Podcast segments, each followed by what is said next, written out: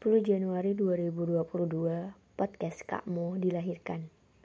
Podcast yang diharapkan bisa mewakili rasa yang pernah singgah.